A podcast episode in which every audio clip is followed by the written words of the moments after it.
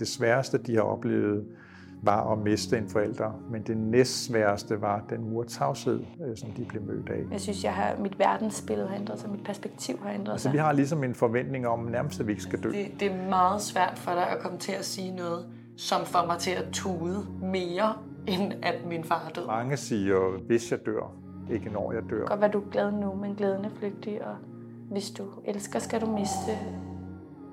Det var også en følelse af, at sådan livet så ellers ud til at være rimelig langt og godt, og lige pludselig så var det bare langt. så, var det bare, så skulle det bare til at være rigtig fucking langt tid, at man skulle være her uden hende. Du lytter til Alene Sammen af Papercut Issues. Den her podcast handler om sorg. Døden er naturligt knyttet til det at eksistere, og sorgen naturligt forbundet til det at elske. I den her podcast, der skal vi tale om, hvad der menes med det, som forskere kalder en naturlig sorgproces. Sorg som sygdom og diagnose. Vi skal tale om ritualer og sorgkultur, og ikke mindst om, hvordan vi taler om døden. Du skal både høre personlige fortællinger og videnskabelige forklaringer om sorg. Vi starter med vores møde med Molly, som vi har talt med om sorgen efter sin mors og sin gode ven Noahs død.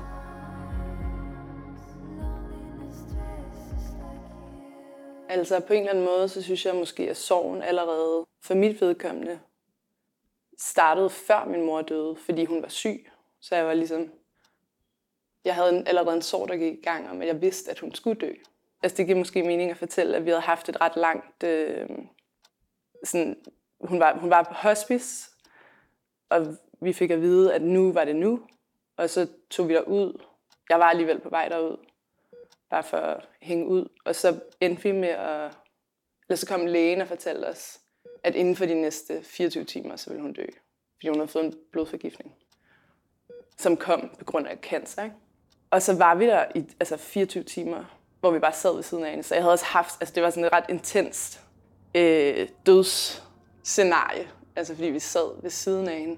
Vi kunne rulle hendes seng udenfor på det der hospice. Så vi sad bare udenfor i 24 timer og var vågne. Og så døde hun om morgenen. Og så sov jeg lidt på hospice. Og så da jeg vågnede, så, øh, så tog jeg og spillede tennis. altså sådan helt fucking mærkeligt. Men jeg var sammen med min kæreste, og jeg ringede til min bedste veninde, og de var bare sådan, hvad har du brug for? Og der var ligesom nogle timer, hvor man skulle vente på bedemand og sådan noget. Og så var jeg bare sådan, altså, måske vi skulle spille tennis. Jeg har aldrig rigtig spillet tennis. Men jeg vidste, der lå en tennisbane ved siden af, og, så, og det havde jeg aldrig, altså det havde jeg slet ikke forestillet mig, at jeg havde været i stand til at gøre det, eller det, at det kunne være en eller anden reaktion. Den havde jeg slet ikke set komme. De fleste forestiller sig og forventer nok, at sorg har en effekt på dine følelser. Men sorgen kan også sætte dybe spor på din krop, din adfærd og kondition, og din generelle opfattelse af meningen med livet. Ifølge det Nationale Sorgcenter findes der rigtig mange forskellige sorgreaktioner, og derfor kan vi heller ikke tale om én måde at sørge på. Det kan være, at du slet ikke oplever følelsesmæssige symptomer, men reagerer fysisk ved at have åndenød og søvnproblemer. Måske reagerer du kognitivt, glemmer dine aftaler og kan ikke følge med på studiet. Måske bliver du ramt af eksistentiel meningsløshed, og det projekt, du før elskede, mister pludselig al betydning. Eller det kan være, at du har brug for at tage ud og spille tennis, lige efter at din mor er død. Egentlig har vi ikke rigtig haft nogen dødsfald i familien før vores far. Nej, det var nok, da han døde for knap to år siden, Ja, at der var sorg for første gang, ikke? jo. Det her er Freja og Sif. Jeg hedder Freja. Jeg hedder Sif. Freja og Sif er et eksempel på, hvordan to søstre i den samme familie med samme far har oplevet og bearbejdet sorgen på meget forskellig vis. Altså, vi reagerede meget forskelligt. Mm, vi er fire børn, som alle sammen reagerer meget forskelligt. Vi har to store brødre, og jeg. Det, men det er virkelig et personlighedsspørgsmål Mm. og et temperamentsspørgsmål. Ja.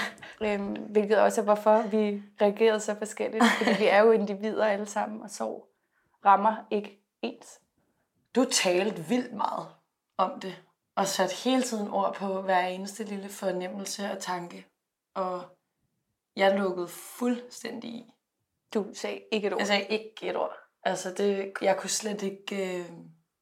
Jeg, jeg, tydede, jeg tydede meget til, øh, til litteratur og til, øh, hvad jeg kunne finde ud af om emnet. Altså, jeg prøvede at øh, læse mig frem til en løsning. Ja, du gik meget øh, sådan struktureret og analy- analytisk til værks på en eller anden måde. Øhm, men det var en rigtig god hjælp for mig, fordi jeg følte, at jeg skulle... Øh, jeg ville meget gerne sætte ord på, hvordan jeg havde det, før andre sætte ord på, hvordan jeg havde det. Jeg kunne slet ikke sætte mig ind i, hvordan jeg havde det, og derfor tænkte jeg, det, det vil jeg ikke snakke om. Jeg vil ikke fortælle om mine følelser, fordi jeg forstår dem jo ikke engang selv, så hvorfor skulle nogen nogensinde så forstå mig? Så det blev meget en, en, øh, en lukket tilgang, og en ensom tilgang på en eller anden måde. Altså, til at starte med var det, var det svært, at vi var så forskellige i det. Vi kunne godt snakke sammen om det, selvfølgelig, og gribe hinanden, men det blev også bare rigtig, rigtig hårdt at have følelsen nogle gange. Det kan jeg huske, jeg havde om, at Gud, men jeg er ikke lige så velfungerende som Freja, eller hun har, hun har bare hurtigere fået det nemmere. Hvorfor kan jeg ikke få det lige så nemt? Hvorfor kan jeg ikke se sorgen, som hun ser den? Men jeg tror så snart, at man pakkede de tanker væk og indså, at min sorg er mega individuel. Og det er kun mig, der ved, hvordan jeg har det. Og det er kun mig, der kan arbejde på, hvordan jeg har det. Og så igen, så kan man sidde og have de der tanker om, jeg burde have gjort det her, jeg burde have haft det sådan her. Ja, og det, igen, det er et personlighedsspørgsmål. Ja, jeg tror ja. ikke, at du var klar til det. Nej, jeg tror også, at, at sorg bliver, bliver vildt svært, hvis du prøver at presse dig selv til at have en følelse. Fordi nogen har brug for, når de er i den første del af sorgen, har de brug for at snakke sindssygt meget om det, for det måske giver bedre mening. Og jeg havde helt vildt meget brug for at fortrænge den der sorg lidt, for jeg var ikke klar til at indse, at jeg faktisk var i sorg. Og jeg tror ikke, at man kan presse sig selv til at gøre det en eller andet mere eller mindre. Nej, nej, nej. Jeg ville jo bare hurtigst muligt tilbage til mit liv, som det var før. Mm. Og du var slet ikke klar til at komme tilbage til noget som helst, som mindede om, hvad der var før. Nej, nej, jeg vil bare have noget helt nyt. Ja. Det er jo nok det er i virkeligheden den største forskel. Det tror jeg faktisk også. Sorg er individuelt, og der findes så mange forskellige måder at reagere på. Det er noget, som kan komme som et chok, eller komme snigende ind på dig. Det kan være en ting, du taler meget om, eller en ting, du aldrig nævner. Sorg er heller ikke en absolut størrelse, hverken historisk eller kulturelt. Vores opfattelse af sorg har igennem bare de sidste 20 år, særligt inden for videnskaben, været i stor udvikling. Og det er det, du skal lytte til lige nu. I forhold til, til sovudvikling, der kan man jo sige, at i rigtig mange år, der, der lænede vi os jo meget op af Freuds forståelse i forhold til sorg. Det her er Preben Engelbrecht. På Kejsergade 2 i København sidder han som direktør for det Nationale Sorgcenter og Børn, Unge og Sorg. Og Freud, øh, og det er jo så mere end, jeg har sagt, en 100 år siden, jo, hvor han startede med at beskæftige sig med det, der handlede det jo i høj grad om, øh, at øh, i en sorgproces, der skulle man nå derhen, hvor man skulle tage afsked for altid. Øh, så det var typisk sådan efter, inden for et år, så skulle man ligesom klippe navlestrengen til den, man havde mistet som øh, betød, at det, det ikke gav så meget mening mere at tale omkring øh, vedkommende. Nu skulle man ligesom videre med sit liv. Så udgangspunktet var, øh, har tidligere været, og i rigtig, rigtig mange år, at man ligesom skal, skulle kunne sige farvel for at kunne sige goddag til noget nyt. Og der inden for de sådan, sidste sådan cirka 20 år, der har man jo en, begyndt at få en helt anden form for, for sorgforståelse. Øh, blandt andet ud fra en, øh, en model, som hedder toprocesmodellen, som er udviklet af øh, to sovforskere i Holland, som hedder Strøbe og, og Schutt. Og der taler man ligesom om to øh, processer, som kører sideløbende. Man taler om en tabsorienteret proces, som øh, i høj grad handler om alt det, man må øh, sige farvel til. Det er at forstå, at vedkommende er død og aldrig kommer tilbage. Og så taler man om en genopbygningsproces, som i høj grad også handler om, og hvem er jeg nu, hvor jeg har mistet. Og der i den naturlige soveproces, øh, som heldigvis gælder for de fleste mennesker, som mister, der er sådan en naturlig pendulering mellem de to øh, processer. Men for nogle mennesker, der finder den her pendulering ikke sted. Og det er der, hvor man taler om, at der øh, begynder sorgen at blive kompliceret. Og det, der i dag kan være udfordring, det er jo, at øh, i hvert fald nogle fagprofessionelle, deres viden bygger på de gamle sorgteorier, altså faseteorierne, hvor der ligesom er nogle faser, man øh, skal igennem. Øh, og det er blandt andet noget af det, som det nationale sorgcenter jo er sat til i, øh, i verden for. Det er jo at få udbredt de her nyere øh, sorgteorier. Vi har altså gennem historien bevæget os fra at betragte sorg, som Freud gjorde det, som noget linært, man skal igennem for at komme videre og ud på den anden side, til i dag at betragte sorgen som noget cyklisk. Det er jo også det, der sker med sorg. Det er, altså, kan det godt være, at man har et halvt år, der er ekstremt sort, og så kommer man lige op, og så lever man lidt, og så tænker man, når man, okay, hvad, nu starter livet, og så kommer der bare tre måneder igen, hvor, eller sådan, det, det den evigheds øh, ting. og det er det jo, altså. Så at jeg har også haft nogle venner, der har kunne rumme det, når det så ligesom, selvom de har været sådan, vi kan se, du har det ret godt, og du er begyndt at arbejde igen, og sådan. Og så lige pludselig så er man bare helt nede, ikke? Og har sagt sit job op og kan ikke noget, og så at de ikke har været, de har ikke skyndt på mig. Der er ikke nogen, der har sagt, at det er også på tide, at du rejser dig op. Så på den måde har jeg været heldig, tror jeg. Jeg synes stadig, at jeg bliver rimelig øh, overrasket over det. Altså, der er nogle situationer, jeg godt kan sådan forudse, der kan trick nogle ting. Den første jul for eksempel var meget, meget hård, ikke? Eller sådan. Men jeg bliver stadig overrasket over, hvordan og hvornår det kommer. Og, altså, jeg tror, der er, jeg tror, der er, jeg tror, der er rigtig mange lag af sorg, jeg ikke har stiftet bekendtskab med overhovedet endnu. I dag kan vi tale om cyklisk sorg, om en gentagelse af sorgen og en forståelse for, at sorg ikke nødvendigvis er en linær proces. Kulturhistorisk har der ofte været regler for omgangen med andre mennesker efter et dødsfald, og et helt bestemt kodex for din sørgeperiode, der f.eks. handler om beklædning og hvornår du må gifte dig igen efter tab af ægtefælde. Når en sørgeperiode sluttede, gav du både slip på sørgebind og sorgen. I dag er vi meget mere fokuseret på at tage den afdøde mere videre i livet.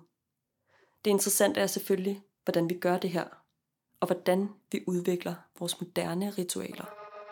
Det, der er vigtigt at understrege, er, at øh, for langt de fleste mennesker, der har man det, der hedder øh, naturlige sorgprocesser. Så og det gælder cirka for 9 ud af 10, som, som mister en nærtstående. Så det er ved hjælp af det netværk, øh, man har, og det at tale med andre øh, med videre. Så der, så der, der finder, man kan sige, sorgen en naturlig plads i livet. Og det vi er blevet meget bedre til, og skal blive endnu bedre til, det er jo den måde, hvordan vi har den døde videre med os.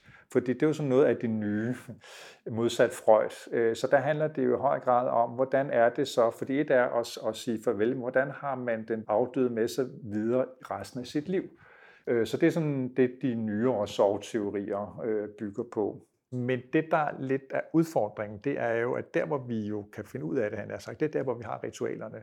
Og det er jo typisk omkring dødsfaldet.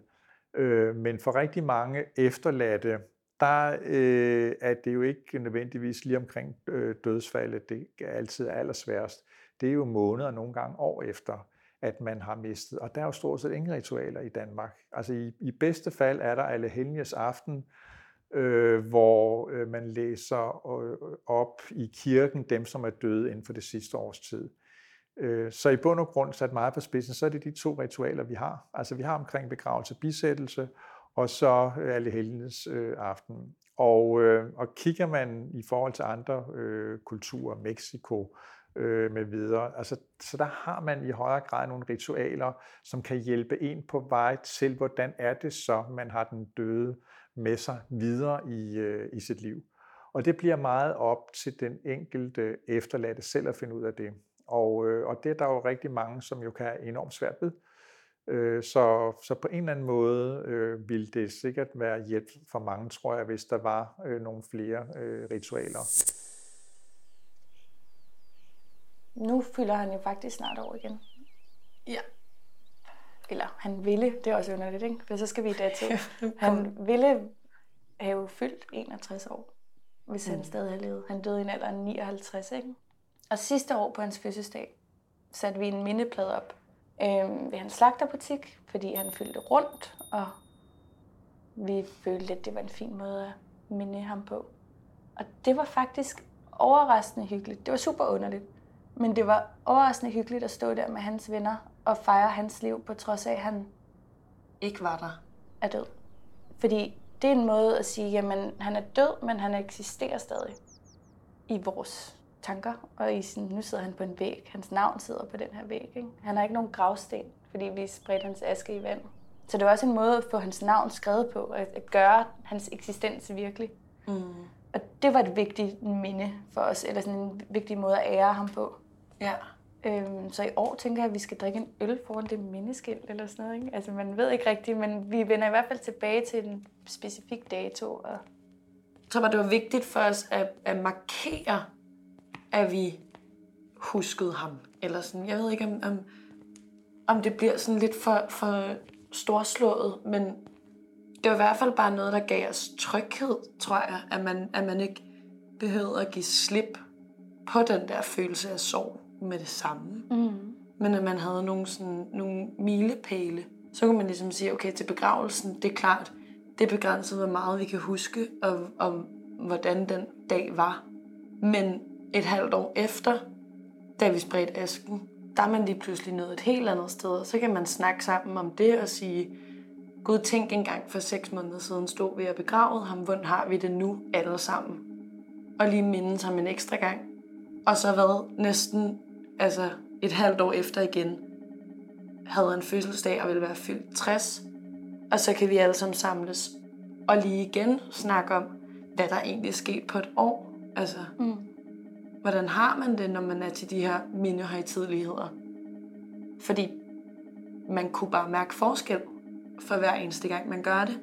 Og sådan er det stadig. Altså, jeg synes, det er rigtig vigtigt det er helt vildt vigtigt lige at huske sig selv på, at det kan godt være, at hver eneste dag kan føles som sådan det hårdeste i hele verden, men hver gang du så eventuelt laver de her mindeting med din familie, og lige husker det her menneske og mindes om, om, om vores far, så går det bare op for en, hvordan man lærer at håndtere sorgen sammen i en familie.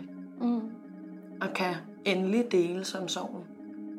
Fordi øh, hver dag jo bare går. Eller sådan, der, der er ikke så meget at gøre. Det er, en, det er en måde at beholde ham i live på, på trods af, at han ikke er i live. Ja. Vi havde også bare ekstremt mange objekter i huset, eller sådan genstande, eller kjoler i hendes tøjskab, som var min oldemors. Så når man tog en af dem frem, så ville man få en historie om det. Og det der med vigtigheden i at have genstande omkring sig, som kan indeholde også bidder af fortællinger om den, man savner. Ikke? Så jeg har også nu altså ekstremt meget min mors tøj, og det har min søster også. Og sådan, jeg har et lille alter, hvor jeg ligger dimser og ting, som minder mig om min mor, som, som på en eller anden måde tilføjer noget øh, fysisk tilstedeværelse, selvom at hun jo ikke er her. Det har været noget, jeg har brugt rigtig meget. Og det har hjulpet mig. Altså. Og så når jeg skal ting, så tager jeg ting fra alderet og putter dem i tasken. Og, sådan. og det er sådan en masse små dimser. Så der bliver også stadig tilføjet nye ting. Men der er en masse ting, som jeg har fået fra hende. Det er en spændende ting, altså, fordi det er jo noget, man tillægger. Altså, jeg vælger at tillægge den her genstand min mors betydning, eller min, min følelser til min mor, eller min styrke fra min mor. Og da jeg begyndte på det, så synes jeg også, det begyndte at se en lille smule lysere ud. Men det er jo stadig ikke nok. Eller sådan. Og så, de, så, og så ting, genstande, jeg vælger at tage frem og bruge, er jo også en smule rituelt. Musik, jeg sætter på. Altså, der er også bare nogle sange, når man hører det, så er det bare Nora, eller så er det mor. Og i starten kunne jeg godt have lidt svært ved at sætte det på. Vi mindre jeg satte det på, fordi jeg virkelig havde lyst til at græde. Men jeg synes også, at nu er det blevet sådan, at så sætter jeg det også på, bare fordi det er fedt eller rart. Og jeg har, altså jeg har sådan, jeg tænder et lys ofte, når jeg er alene øh, på mit alter, hvis jeg synes, at hun skal være der. Øh, så nogle gange gør det ud. Så prøver jeg at lade være med at tænke for meget på det. Vi har nævnt det et par gange. Døden er naturligt koblet til livet. Sorgen naturligt koblet til at elske. Men det kan være farligt at bruge et ord så naturligt i dag. For på den måde kan vi hurtigt også komme til at kategorisere naturligt fra det unaturlige, det rigtige fra det forkerte, den naturlige sorg fra den komplicerede sorg. Og det er det, du skal høre meget mere om lige om lidt. Videnskabelige fordele og ulemper ved at skabe en diagnose for vedvarende sorg. Men først skal vi forstå, hvad der går forud for en sådan diagnose. I de sidste 20 år, især i øh, USA, har man jo forsket meget i forhold til den her skældning mellem naturlig og på det tidspunkt kaldte man det mere øh, kompliceret sorg. Og, øh, og det er i hvert fald nogle af studierne så jo viste, var, at der er den her lidt mindre gruppe, hvor sorgen ikke aftager naturligt. Og det er så det, øh, som måske på dansk kommer til at hedde øh, vedvarende sovledelse. Og der er, har man så også, man kan sige, iværksat nogle evidensbaserede øh, behandlingsprogrammer. Og det er det, man lige nu kan se. Både der er en gruppe her med en speciel type sorg, og der er en behandling her, som, som, som virker. Så det er lidt det, der er forhistorien. Så det ligger sådan cirka 20 års øh, forskning øh, bag. Så mangler vi nogle af de andre mere, man kan sige, komplicerede sorgreaktioner også. Men det er jo noget af det, forskningen også skal begynde at kigge øh, på. Forskningen viser, at en ud af 10, der har mistet en nærtstående person, udvikler komplicerede sorgreaktioner. Og en af de komplicerede sorgreaktioner er vedvarende sorg. De fleste sørgende vil efter tabet opleve en optagethed af tabet, voldsom savn, længsel, søvnbesvær, meningsløshed. Og de her reaktioner vil dog i en naturlig sorgproces være aftagende. Men hos dem, der udvikler en mere kompliceret sorg, er reaktionerne så gennemgribende og vedvarende, at de sørgende ikke kan komme videre uden specialiseret psykologisk behandling.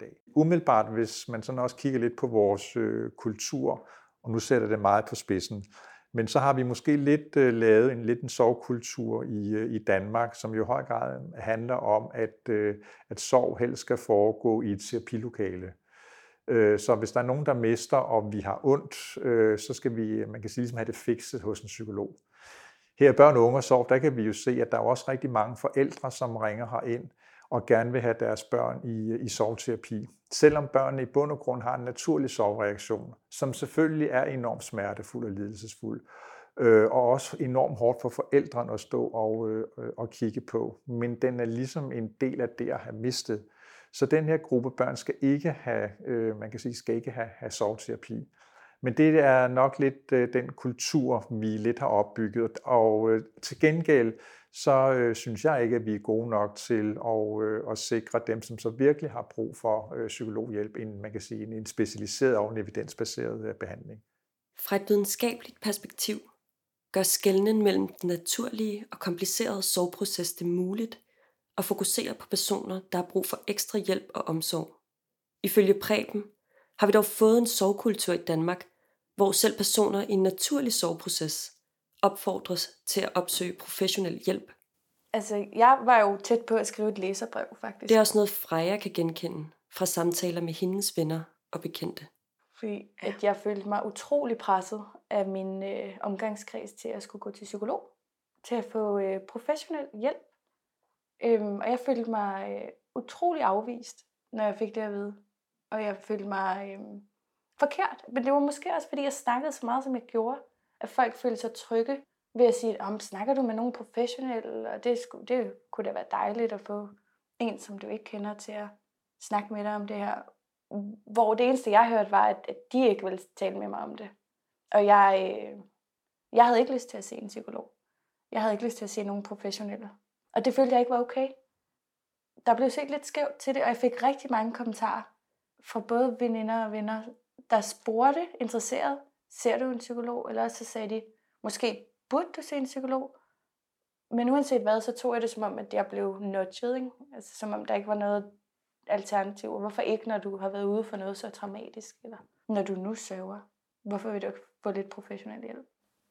Skubber vi venner og bekendte til psykolog eller terapi, fordi vi ikke selv magter at være omkring sorgen? Eller føler vi os ikke godt nok rustet til egentlig at tale om døden?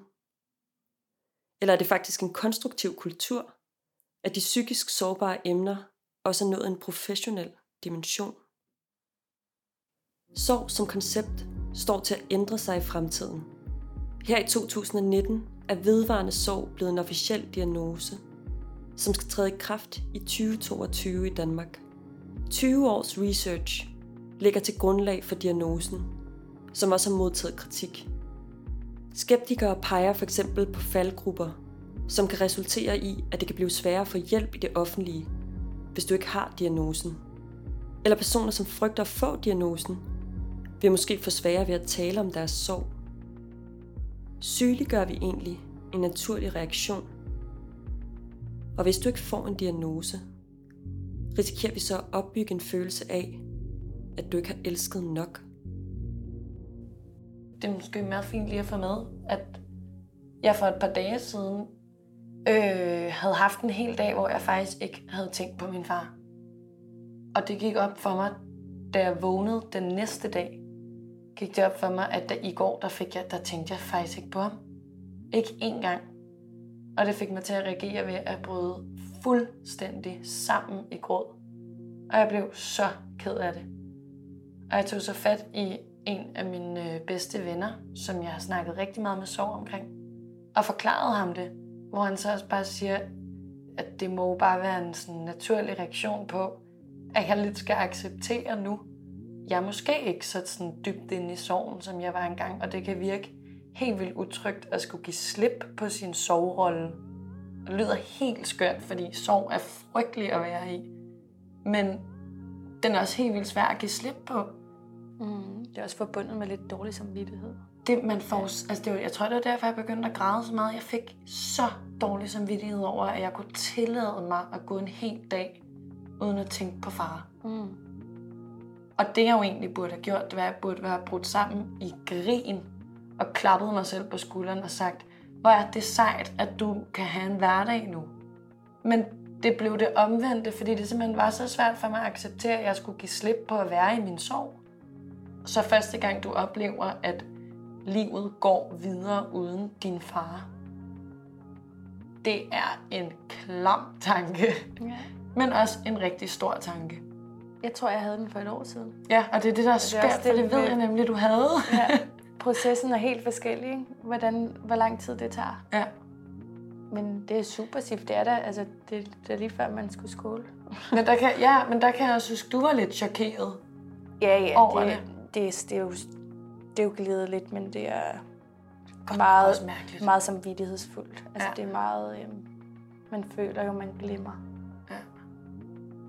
Men der er vores pointe måske, at det kan føles rigtig skamfuldt at have en dag, hvor man ikke tænker på den person, man har mistet, men det er jo egentlig bare mega, mega sejt, at man kan nå dertil. Det handler om- om, at man ikke er så bevidst om sin sorg hele tiden, men Ja. man formår at putte det lidt. Igen det der med, at hver eneste ting, hver eneste beslutning behøver ikke at være præget af, at du er i sorg. Nej. Og sådan har jeg haft det meget de seneste par år. Jeg følte ikke, at jeg kunne tage et valg, uden at jeg tænkte, det er jo også fordi, jeg er i sorg. Eller det er jo også fordi, jeg er ked af det, derfor gør jeg det her. Og det tror jeg bare er mega godt at give slip på. Det er svært at være i sorg. Men det kan også være svært at lade sorgen gå. Hvis du elsker, skal du miste. Men er graden du elsker også udtrykt i graden du sørger? En farlig måde at begynde at tænke på. Vi må tilbage til den første pointe. Sorg er individuelt og er utrolig kompliceret at begynde at grædebøje. Men så bliver spørgsmålet selvfølgelig også, hvorfor så begynde at skælne, og hvorfor så overhovedet en diagnose? I forhold til øh, diagnosen øh, vedvarende sovledelse, der øh, på den ene side, så kan man jo sige, at nogle af fordelene er jo, at vi i højere grad, end vi måske er i dag, bliver bevidst om at få skældne mere mellem, hvornår er en sorg naturlig, og hvornår er den mere kompliceret. Øhm, og det gør jo så, at vi måske i højere grad kan blive bedre til at behandle dem, som egentlig har brug for, man kan sige, specialiseret sorgterapi. Øh, og sikre bedre behandlingsmuligheder, end vi almindeligvis har i dag. Øh, så, så det synes jeg meget er på, øh, på positiv siden, fordi der sidder jo mange derude, som jo ikke ved, hvor de skal få hjælp, og måske ikke er interesseret i den. Øh, og det er jo der, det jo i høj grad handler om at få opkvalificeret, eller i hvert fald hjælpe de praktiserende læger og andre, som jo så måske i andre relationer møder de her efterladte, til faktisk at kunne, man kan sige, screene eller spotte, at her er måske en, øh, en, øh, en vedvarende sovelidelse, som, som er behandlingskrævende. Overfor det står, at mange, at i hvert fald nogle af dem, som kommer her i huset, synes jo, at det er rigtig svært, at omverdenen ikke forstår, hvor svært de har det, at man måske dropper ud af uddannelse øh, med videre. Og der er i hvert fald nogle af dem, som siger, jamen har vi en diagnose jo faktisk kunne hjælpe mig, så omverdenen i højere grad forstår, at jeg faktisk er det, man næsten vil kalde syg og. Så der er, og der er absolut fordele og ulemper, men når jeg sådan kigger på det samlede regnestykke, også i forhold til at have været i det her felt, jeg startede jo børn, unge og Sov, og også det nationale Sovcenter, og har været i det her felt i, i, i 25 år. Når jeg sådan gør kassen op, så, så, så, så hilser jeg altså meget øh, diagnosen øh, velkommen, fordi jeg tror, den kan være med til, at øh, der sker endnu mere på det her felt i Danmark. Også at der bliver, øh, kommer mere forskning på feltet øh, med videre men også at øh, vi i højere grad faktisk forstår, at der er altså nogle mennesker, som bliver så syge af sorg, at det simpelthen kan ødelægge deres liv. Ifølge Preben giver diagnosen vedvarende sorg mulighed for at fokusere på og hjælpe udsatte personer, hvor sorgen ikke stopper med at dominere livet og hverdagen. En situation, der ofte kræver ekstra hjælp og omsorg hvor diagnosen giver mulighed for et sprog og en samtale om en følelse, der ikke helt ligner andres. Vi har talt om sorgens tusind sprog, sorgens nuancer, sorgens proces. Vi har talt om sygeliggør sorg, om fordele og ulemper ved at have en diagnose for vedvarende sorgledelse. Vi har talt rigtig meget, og det er det, vi skal tale om lige nu, her til sidst. Tale om at tale tale om sorg og hvorfor det er så svært at nærme sig døden. Hvis man kigger længere tilbage, så øh, var der jo langt flere ritualer, når man mistede. Øh, der var både sørgebind og også netop at gå i, i sort tøj, måske øh, et, et års tid. Der var typisk også flere ritualer i forhold til afdøde, jo godt kunne ligge en hel uge nærmest i spisestuen i forhold til åben kiste, hvor naboer og venner kunne komme ind og tage, tage afsked. Hvor man på nogle områder måske havde et lidt mere øh, naturligt øh, forhold til, øh, til døden. Og det har vi jo ikke på samme måde længere. Og det tror jeg blandt andet jo handler om, at vi jo bliver ældre og ældre. Så på en eller anden måde er døden sådan lidt blevet lægevidenskabens nederlag. Altså vi har ligesom en forventning om, nærmest at vi ikke skal dø. Øh, og gennemsnitsalderen, den, øh, øh, altså man siger jo dag, hver anden, der, der bliver født, jo bliver mere end, end 100 år. Så jeg tror, at det er lidt af konsekvensen i forhold til, at lægerne er blevet bedre og bedre til at, at behandle øh, sygdommen, så vi i hvert fald lever længere og længere og, og bliver mere helbredte. Den pris, kan man sige, det er, at vi er blevet enormt dårlige til at forholde os til vores egen dødelighed. Mange siger, hvis jeg dør, ikke når jeg dør. Og der er det sådan, at stort set alle har det nok som de fleste danskere, at øh, de tror, de bliver tæt på 100 år og dør midt af dage på en veranda ved solnedgang. Og har faktisk ikke forholdt sig til, hvordan de dør. Og det er jo der, det starter. Altså det starter jo med, at vi sådan helt konkret begynder at tænke på, at vide, hvad jeg kommer til at dø af. Det starter med, at vi også får snakket om i familierne, øh, skal man begraves, skal man bisættes øh, med videre. Altså på den måde at begynde at gøre, man kan sige, døden til en naturlig del af livet, fordi det er det i bund og grund. Men den har vi, øh, ligesom, den har vi desværre begyndt at gemme øh, alt for meget væk. Når alt det er sagt, så de sidste par år har der jo været enormt meget fokus på død og sorg, i, også i, øh, i medierne. Og det er øh, jo en af dagsordnerne, kan man sige, øh, for mange. Det er den med, at vi skal blive langt bedre til at tale om død, og vi skal helst kunne tale om den, inden vi bliver øh, alvorligt syge, eller inden vi står for at have mistet, fordi så er det trods alt øh, lidt, øh, lidt nemmere. Og jeg tror også, at en af grundene til, når øh, vi igen og igen hører øh, fra rigtig mange, især børn og unge, som fortæller, at det sværeste, de har oplevet, var at miste en forælder, men det næstsværeste var den murtavshed, tavshed, som de blev mødt af. Der er undersøgelser, som fortæller os, at to ud af tre børn og unge, som har mistet, at øh, de fortæller, at de aldrig eller sjældent har talt øh, med nogen om, hvordan de har det. Og det er selvfølgelig godt nok. Men det, jeg tror alene ikke, at det handler om manglende faglig viden hos lærere, pædagoger osv. Du kan ikke tale med et barn som har mistet, eller for den sags skyld tale med nogen, som har mistet, uden at komme i kontakt med din egen dødelighed. Det er der, du kommer til at mærke, at det kunne lige så godt være mig. Det kunne lige så godt have været mig, der skulle have, øh, ville være død øh, fra mit øh, barn. Og det tror jeg er det, der holder os tilbage. Øh, så for at vi bliver bedre til at møde efterladte i alle aldre, så er vi nødt til at begynde at forholde os til vores egen dødelighed der er mange situationer, hvor man ikke kan lade være med at være sådan gid, og det er der også med min mor, hvor man siger, gid, de var her lige nu til at se det her.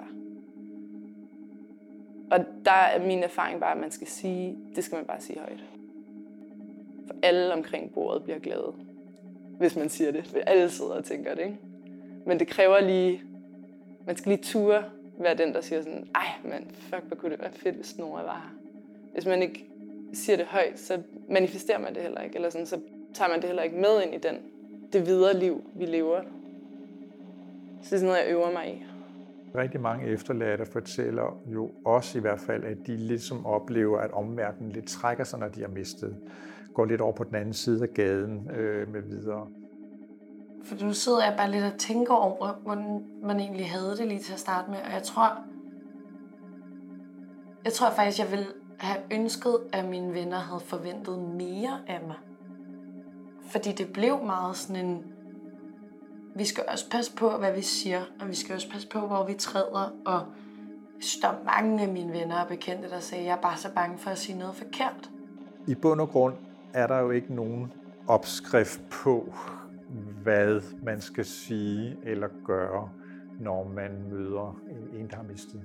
Hvor jeg altid sagde til dem, jeg bliver simpelthen nødt til at informere dig om, at du kan faktisk ikke rigtig sige noget forkert. Altså, det, det er meget svært for dig at komme til at sige noget, som får mig til at tude mere, end at min far er død. Rigtig mange er jo sådan meget øh, famlende i forhold til, øh, at man kan være bange for at sige noget forkert, sige noget, der gør den, der har mistet ked af det. Men det kan man jo ikke, fordi at vedkommende er jo ked af det. Så man kan jo ikke gøre dem mere ked af det, end, øh, end, end de er. Øh, heldigvis så har jeg nogle venner, der har mødt min mor og kendt min mor rigtig godt. Eller sådan, og de fandt også hurtigt ud af, at jeg godt kunne lide, når de delte anekdoter, bare uden at det behøvede at være sådan, åh, oh, men det er også så trist. Altså. Så jeg tror bare, jeg, jeg kunne egentlig godt have brugt, at folk havde haft lidt større forventninger til, at man godt kunne tale om det. Det der med bare at sige, hey mand, du lød så meget som din mor lige der, eller sådan, jeg kan huske dengang det her skete. Øh, det hjalp og det, det gjorde også, at hun var med i en masse situationer, som jeg synes var rart. Min opfattelse var, at folk var lidt berøringsgang. berøringsangst. Mm. Helt vildt. Øhm, og det, hvilket jo er fair nok. Ja. Fordi det er svært at tale om. Og lad os så sige, at for dem, som ikke rigtig ved, hvad skal man sige, eller hvad skal man gøre, så er det det, man siger. Fordi det værste, man kan gøre, det er ikke at gøre noget.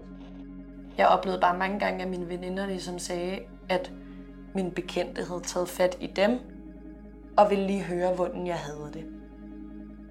Og jeg blev egentlig lidt ked af, at de egentlig ikke bare turde spørge mig. Mm. Så det er langt bedre at gå, gå hen og sige, at øh, det, at, øh, det her er man vældig ked af, eller det har man hørt, øh, hvad der er sket, øh, og jeg simpelthen ikke ved, hvad jeg skal sige, eller hvad jeg skal gøre.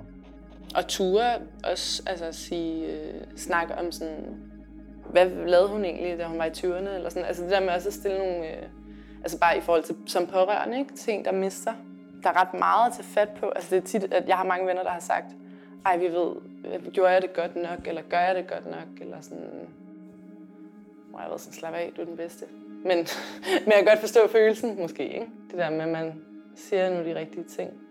Jeg havde også en øh, samtale med en, med, faktisk med Noras storsøster, hvor hun på et tidspunkt var sådan, hey, må jeg ikke lige må jeg ikke se et billede af din mor? Altså, hun kender ikke min mor, vel? Hvor jeg var sådan, jo, det var vildt, det var vildt dejligt at blive, det var vildt dejligt at blive spurgt om det. Det har jeg i hvert fald husket på, når jeg så har mødt nogen, der har mistet. At sådan, det er en ret intim ting, men det er også en sådan, det synes jeg, man bliver glad ved. Vi er kommet til enden af det her podcast, og har efterhånden talt om mange forskellige aspekter af sorgen. Sorgen, der er umulig at konkludere på, som er kompleks og individuel. I al den tid, vi har arbejdet med vores kapitel her om sorg, så er en af de ting, vi tager med os videre, det er, at det er vigtigt at tale om sorg i al sin forskellighed. Et møde, der også handler om at turde bevæge sig omkring døden, og huske at spørge ind til de mennesker, vi kender, som har mistet. Døden hænger unægteligt sammen med livet. Men måske kan vi føle os mindre ensomme, hvis vi tør arbejde på et fælles sprog for sorgen. Så selvom vi kan føle os alene med vores sorg, kan vi i det mindste prøve at være alene sammen. Du har lyttet til Alene Sammen af Papercut Issues. Vi har haft interview med Molly Sofie Henningsen, Freja Bak Petersen, Sif Bak Petersen og Preben Engelbrecht. I redaktionen der er vi Amanda Bøtger, Frederikke Lind og Sissel Velten. Produktion og tilrettelæggelse af Nikolaj Hulbæk. Musik af Alto Aria. Jeg hedder Christine Let Schütze. Du kan være med til at udbrede viden omkring sorg og sociale tabuer ved at dele podcasten med dem omkring dig. Og hvis du kan lide, hvad vi laver, så må du endelig støtte os. Det kan du gøre på tier. Tak, fordi du lyttede med.